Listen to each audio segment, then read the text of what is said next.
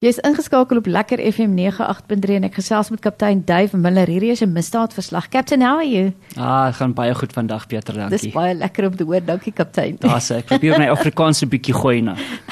Let's let's move over to English now.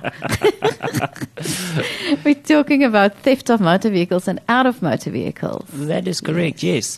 So specifically at the various shopping centres, Yes. um, in and around the Pretoria area, Okay. um, and then also, I mean, we can also include the the smash and grabs that happen at the various other hotspots as well. Yes. So um, there's been a, a, a steep increase in terms of especially the um, bakkies yeah. and SUV vehicles, um, both Toyotas and Fords, um, that, that we've picked up over the last month or so. Um, there's a bit of an increase in terms of those vehicles being taken. Yeah, is it? eh, May I ask if it's under under roof parking or is it outside at the shopping malls? It, it sort of doesn't really matter. Okay. Okay. Um, most of the time, when they want a vehicle, it could be in your yard, it could be in your garage, it could be underground parking at a shopping center, it could be in the open parking area as well. Yes. Um, for the suspects that are involved with stealing these kinds of vehicles, they're extremely sophisticated.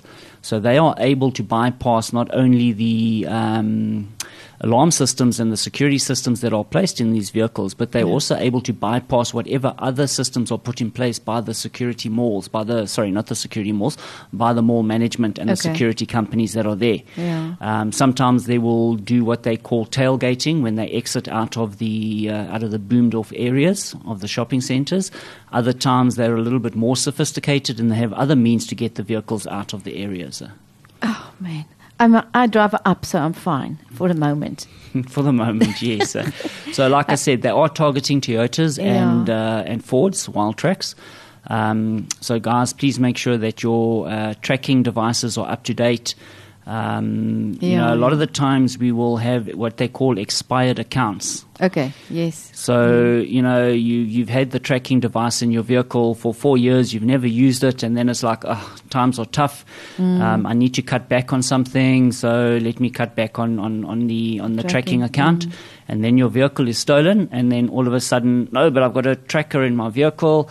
Let me contact the company who it's with, and then it's we find out, oh, but it's actually an expired account. Okay. And then out of motor vehicles, theft out of. Theft out of motor vehicles also a lot at the shopping centres. Yeah. Um, once again, uh, they're changing and, and, and varying their modus operandi. Um, some of them are using jamming, anti-jamming devices.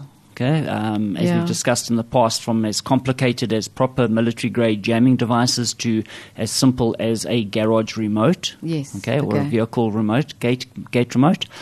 Um, then there are also suspects that are physically forcing entry into the vehicles by breaking the windows, breaking the door locks. Mm. Yeah. Some of the guys are also, when you park next to them, and they're very, very slick, they will get out of the vehicle, and as you getting out your car to turning away to lock up your vehicle, they will open up your back left door. Okay. Yeah. Okay, um, so then that door won't, and the alarm system won't activate properly. So they're Mm. able to, to sneak in there. A lot of that happens at garages.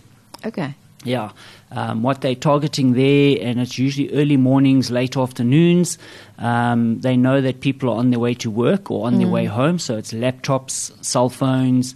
Um, I, I find it very difficult to understand how, in this day and age, people leave their cell phones in their vehicle.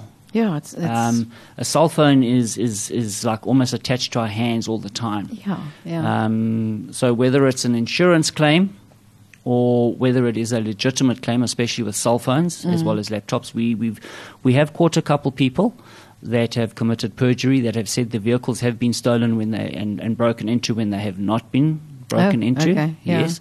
So we do liaise with the various companies in the area. We look for video footage. We verify to see where your vehicle was there or not. And where we have established that uh, you are submitting a fraudulent claim, then we will take action against you. okay. Yeah. So That's once again, please just make sure that when you are locking your vehicle, make sure your vehicle is physically locked. Don't just push the remote and walk away. Um, Yeah. Try and park in a busy area. Try park as close to the entrance as possible if you can, um, especially at the garages. Yeah. And in the shopping centers, it also doesn't really help that you, you get out with your laptop bag and then you go and open up your boot and you put your laptop in, into the yeah, boot and then yeah. close everything because they're going to see that there is now something that you are able Yeah. to take from there. Thank you so much, Captain. It's a pleasure. Thank you, Petra. Bye bye.